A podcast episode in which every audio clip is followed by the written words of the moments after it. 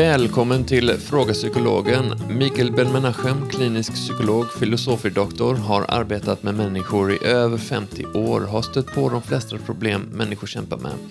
I denna podd besvarar Mikael lyssnarnas inskickade frågor. Ämnen som han tacklar är allt från hur man hanterar ångest, äktenskapsproblem, fobier och mycket, mycket mer.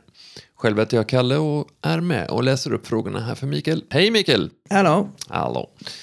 Så det är en kille som skriver att han har försökt med Tinder eh, ett bra tag nu, men det har inte lett till något särskilt. Eh, det framgår inte riktigt om han har träffat någon i, på riktigt eller om det bara är eh, så att det, han har träffat folk men det har inte blivit någonting, någon relation. Men eh, han frågar sig, gör jag något fel?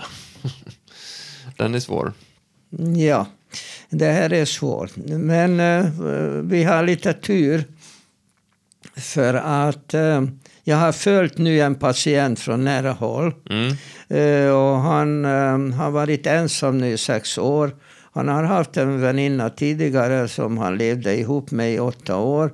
Och varför det här inte fortsatte det är att de hade lite olika uppfattningar om livet. Mm. Och eh, han är en eh, seriös yrkesman.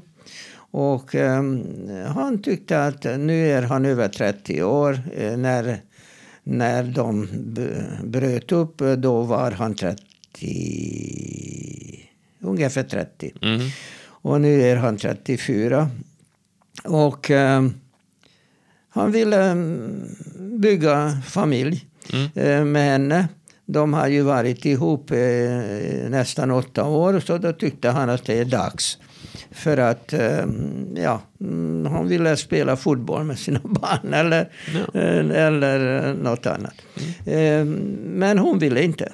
Hon, hon var ointresserad av, han, han ville bygga hus och eh, ja, skaffa hund, vad vet jag. Mm. Eh, Men hon tyckte att eh, det var ju roligare att leva livet och eh, gå på partys och ha det roligt och dricka och dansa och så.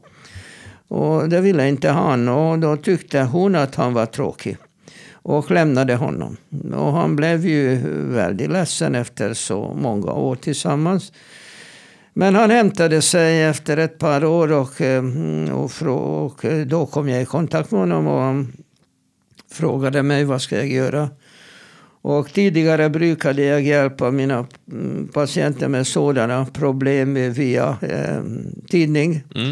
eh, personligen, vad det heter. Mm. Och eh, jag formulerade olika annonser, eh, personannonser och eh, på det sättet så ja, jag var rätt duktig på det. Mm. Eh, jag har fått en hel del eh, folk att eh, träffas på olika sätt. För att eh, jag visste ungefär hur man formulerar sig. Ja. eh, Och eh, sälja sig så att säga. Ja. Eller mm, bättre sagt eh, Marknadsföra att sig. eh, marknadsföra sig. Att, Mm. att, att, och det största problemet, och det är, samma gäller Tinder och de andra plattformarna, att eh, vad är det som du presenterar? För att eh, de gör det här kapitalfelet. Att de gör en bedömning och eh, de eh, bestämmer sig för vad är det som ska presenteras. Mm. Och det finns ju några guldregler som man ska beakta när man ska presentera sig själv. Mm. För det första, så det bör vara väldigt tydligt vad är det man vill ha. Eh, Bara inte för mysiga hemmakvällar, det duger inte. Mm. Mysiga hemmakvällar kan betyda vad som helst. Det, det bör vara väldigt tydligt vad man är efter. Mm. För att då ska i alla fall inte de svara som inte alls har sådana saker i, i kikan. Mm. Och då har vi eliminerat en hel del människor som inte har sådana tankar. Så det skulle inte varit aktuellt att korrespondera med dem eller att eh, försöka rulla det hela vidare. Just det. Det andra största felet är, och det märker jag också när jag gör CV till olika människor, eh, att de söker arbete och de skriver en sån här CV Mm. där man ska berätta om sig själv. Och eh, det här är genomgående, det har jag sett under hela mitt yrkesliv. Att folk eh, gör själva bedömningar. Vad köparen eller motparten eller arbetsgivaren eller flickan vill ha. Och det här är inte ditt... Eh, det här är inte det som du ska göra. Nej. Det här angår inte dig. Vad eh, den andra, på andra sidan, om det är en flicka eller en arbetsgivare, eller vad, vad de ville se om dig. Utöver, vid- när det gäller arbetsintervjuer så måste du naturligtvis dokumentera dig. Och, eh, och eh, visa att du har det de kvalifikationer som behövs. Det, det är självklart. Men som jag har upptäckt i Sverige, de flesta gör inte mera. Utan de bara skickar in det här frågeformuläret och väntar. Och gör inget. Mm. Och det här är inte riktigt bra. Så har jag alltid uppmuntrat um, de som bad mig om hjälp att skriva ett extra brev. Mm. Och där skulle de presentera sig själv. Och då säger de, ja men Mikael det gör man inte i Sverige, du kommer från bla bla bla. Ja det struntar jag fullständigt i. Det är jättebra om man inte gör så i Sverige. Du ska göra det. Varför? För att eh, de kanske får in 200 av sådana här ifyllda blanketter. Så hur ska de i världen se att du är annorlunda? Att du kanske är för dem. Det ser de inte. Du bara gör saken svårare för dem. Mhm. Utan du, du ska skriva ett brev. Ja, men vad ska stå det i brevet? Aha, nu, nu kommer det andra problemet. Ja. De flesta liksom gör en bedömning vad den andra vill höra.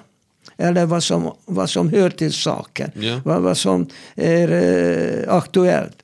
Och det gör de som, som berättar om sig själv i Tinder. Mm. Ja men snälla, det här är vad den andra vill ha, det får hon bedöma. Din uppgift är att du presenterar dig själv. Ja. Vad de andra vill eh, bedöma, vilka bedömningsgrunder de har, det vet du inte.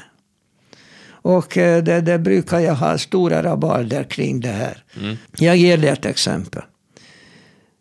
Jag skulle hjälpa en kille för att jag var under eh, några år eh, chef för vårt praktikantprogram vid skolstyrelsen. Då hade jag alltid eh, 20-25 praktikanter. Man gör alltså sista sjätte året i psykologutbildningen som praktikant. Mm. Och efter det, efter det här praktikantåret började de söka jobb. Mm.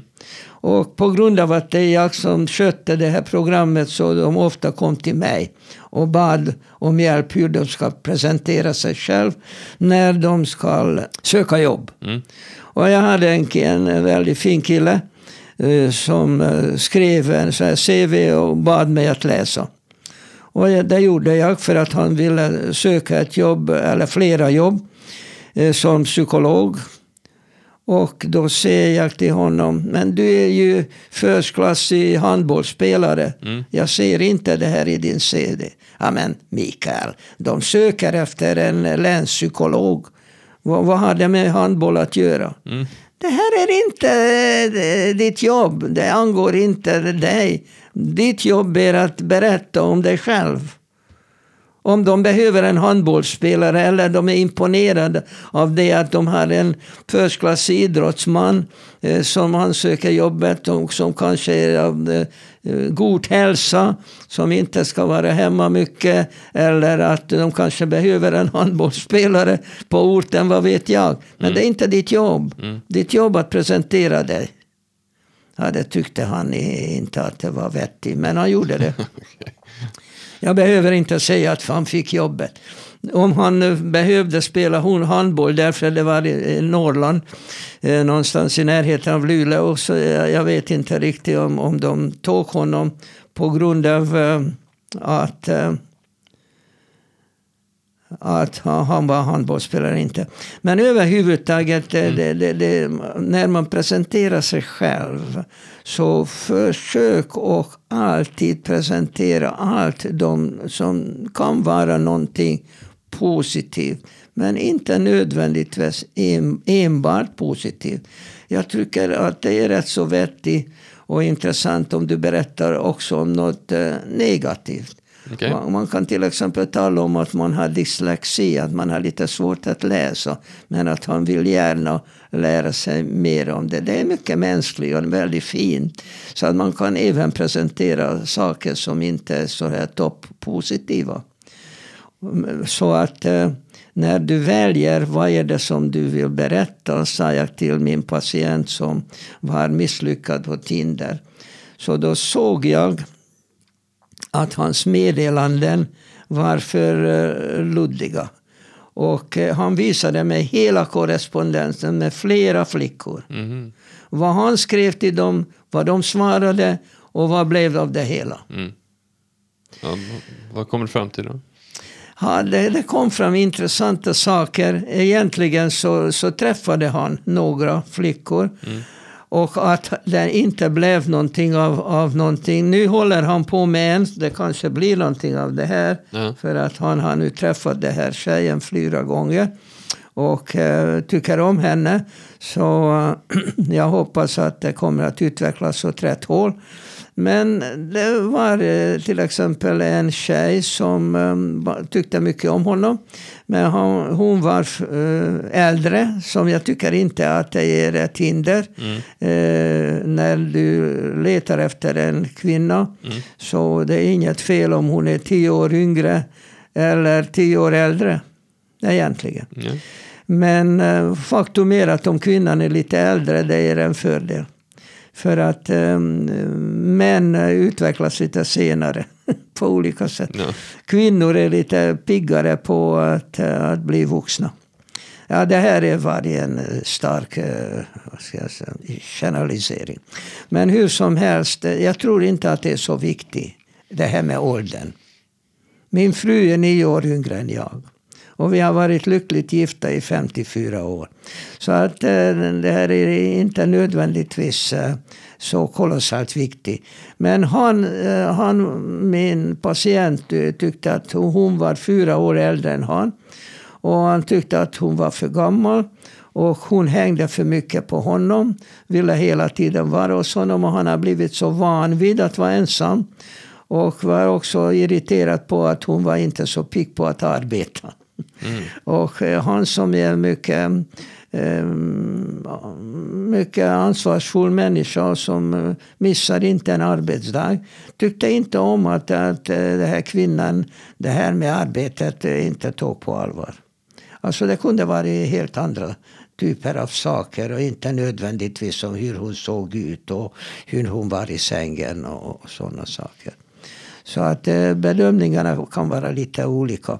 Men vad jag har följt några eh, veckor det är att de här, de här korrespondenserna liksom, de ebbade ut. Mm. Att de berättade för lite om varandra.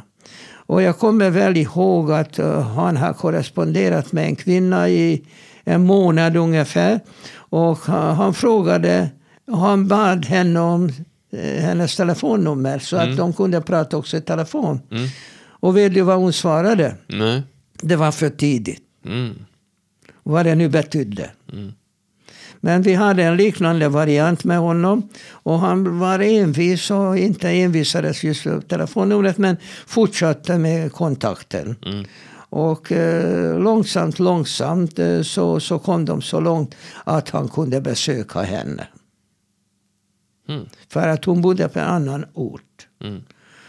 Annars så om det är på samma ort så, så ofta föreslår jag att han ska be henne att, att träffas så att de kan få liksom en första blick hur, hur det andra verkar och hur hon resonerar. Och då kan man uh, lista ut en hel del saker. Mm.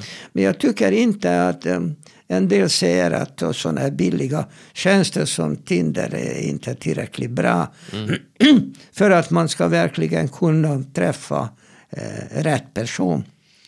Ja, det jag vill inte försvara Tinder, jag får inte någon procent hos dem. Men jag tror ändå att det inte är, är eh, plattformens fel. Mm. Ofta är det fel hur du presenterar dig. Och sen också förlita dig inte för mycket på Tinder. Att det är källan till att hitta en partner, tänker jag. Nej. För att, eh, jag, jag, känner igen mig mycket i det du säger. Jag testade Tinder för några år sedan och så eh, hade jag lite varierande resultat. Men det är lite förväntningarna på Tinder är väldigt låga. Eh, att eh, generellt, det finns ju många som skriver, kvinnor som skriver söker bara seriöst. Eh, och det är jättebra att de, de är tydliga med det. Men eh, annars är det ju rätt mycket det här så kallade hook, hookup-kulturen. att jag är ute och festar och nej, nu vill jag, vill jag ja. ligga också och då använder de Tinder. ja, men uh, nu när, vi, när det gäller sådana här plattformar så finns ju mycket seriösa. Och uh, då menar jag att det är inte du som presenterar. Det är en stor skillnad. Utan du tar kontakt med den här plattformen eller algoritmen eller vad det kan vara. Och du berättar en hel massa om dig själv. Mm. Och eh, kvinnorna också. Och de gör liksom en matchning. Och det här Just det. Men det är något betyder annat, ingenting eh, ja. för, att börja med. Men de föreslår en, en matchning som de ser att du och det här eventuella partner har ju som mängder olika saker gemensamt. Och ju mer detaljerat en sån matchning är, desto bättre. Och då kan det vara allt möjligt i den här matchningen. Olika fritidsintressen, eh, olika religiösa varianter, olika um, sätt att, att, att, se världen, um, politiskt, allt möjligt. Och eh, när den här eh, plattformen sedan väljer ut någon mm. för dig. Mm. Det innebär att de då vet att om mängder med olika områden så är ni rätt lika. Mm.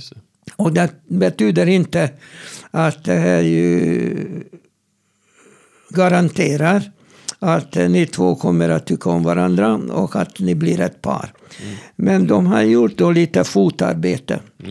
Och sen så ska ni träffas. Och se hur det här med personkemin fungerar. Mm. Att eh, om du tycker att, att, att hon är snygg eller att hon visar eh, egenskaper som är mycket tilltalande för dig mm. och vad hon anser om dig. Och, och framförallt det, det ser man väldigt snabbt om hon vill gärna träffa dig igen eller inte. Det är väldigt viktigt. Eh, så, att, eh, så gör man i Indien till exempel. Mm. Miljoner indier träffas så här. Och um, i Kina också fanns det en där ingår också det här poängsystemet. Då. Att uh, man liksom väljer vad är det för partner som skulle passa också när det gäller uh, ställning i samhället och andra saker. Ja, Men alltså det här är bara fotarbetet. Och sen kommer de här personliga. Men de här mer avancerade program, de kostar pengar. Mm. Men ändå inte så mycket pengar. Men jag brukar säga till mina patienter när de kommer första gången till mig.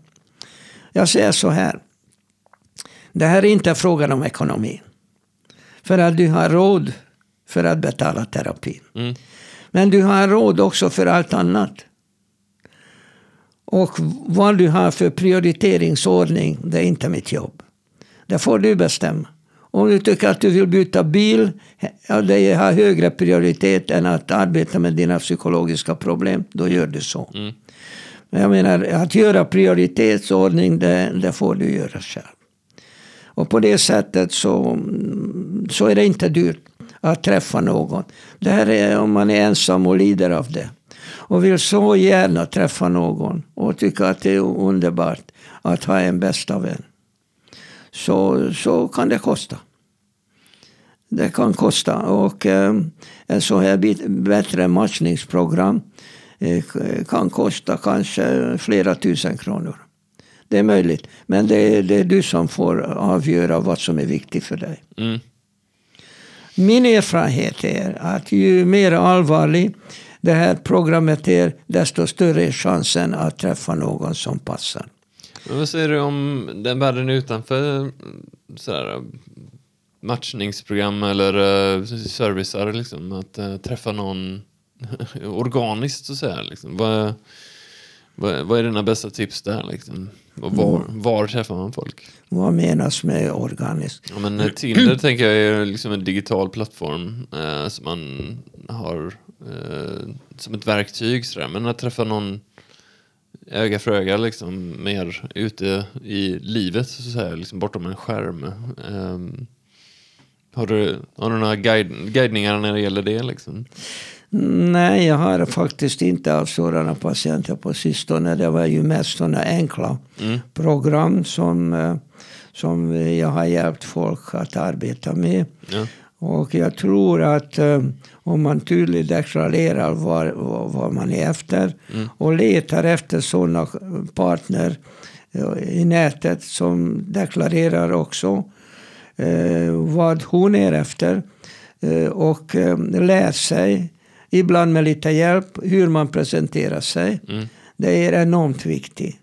Eh, Den här killen som jag har arbetat med nu, nyligen, han inte hade en aning om hur man presenterar sig själv.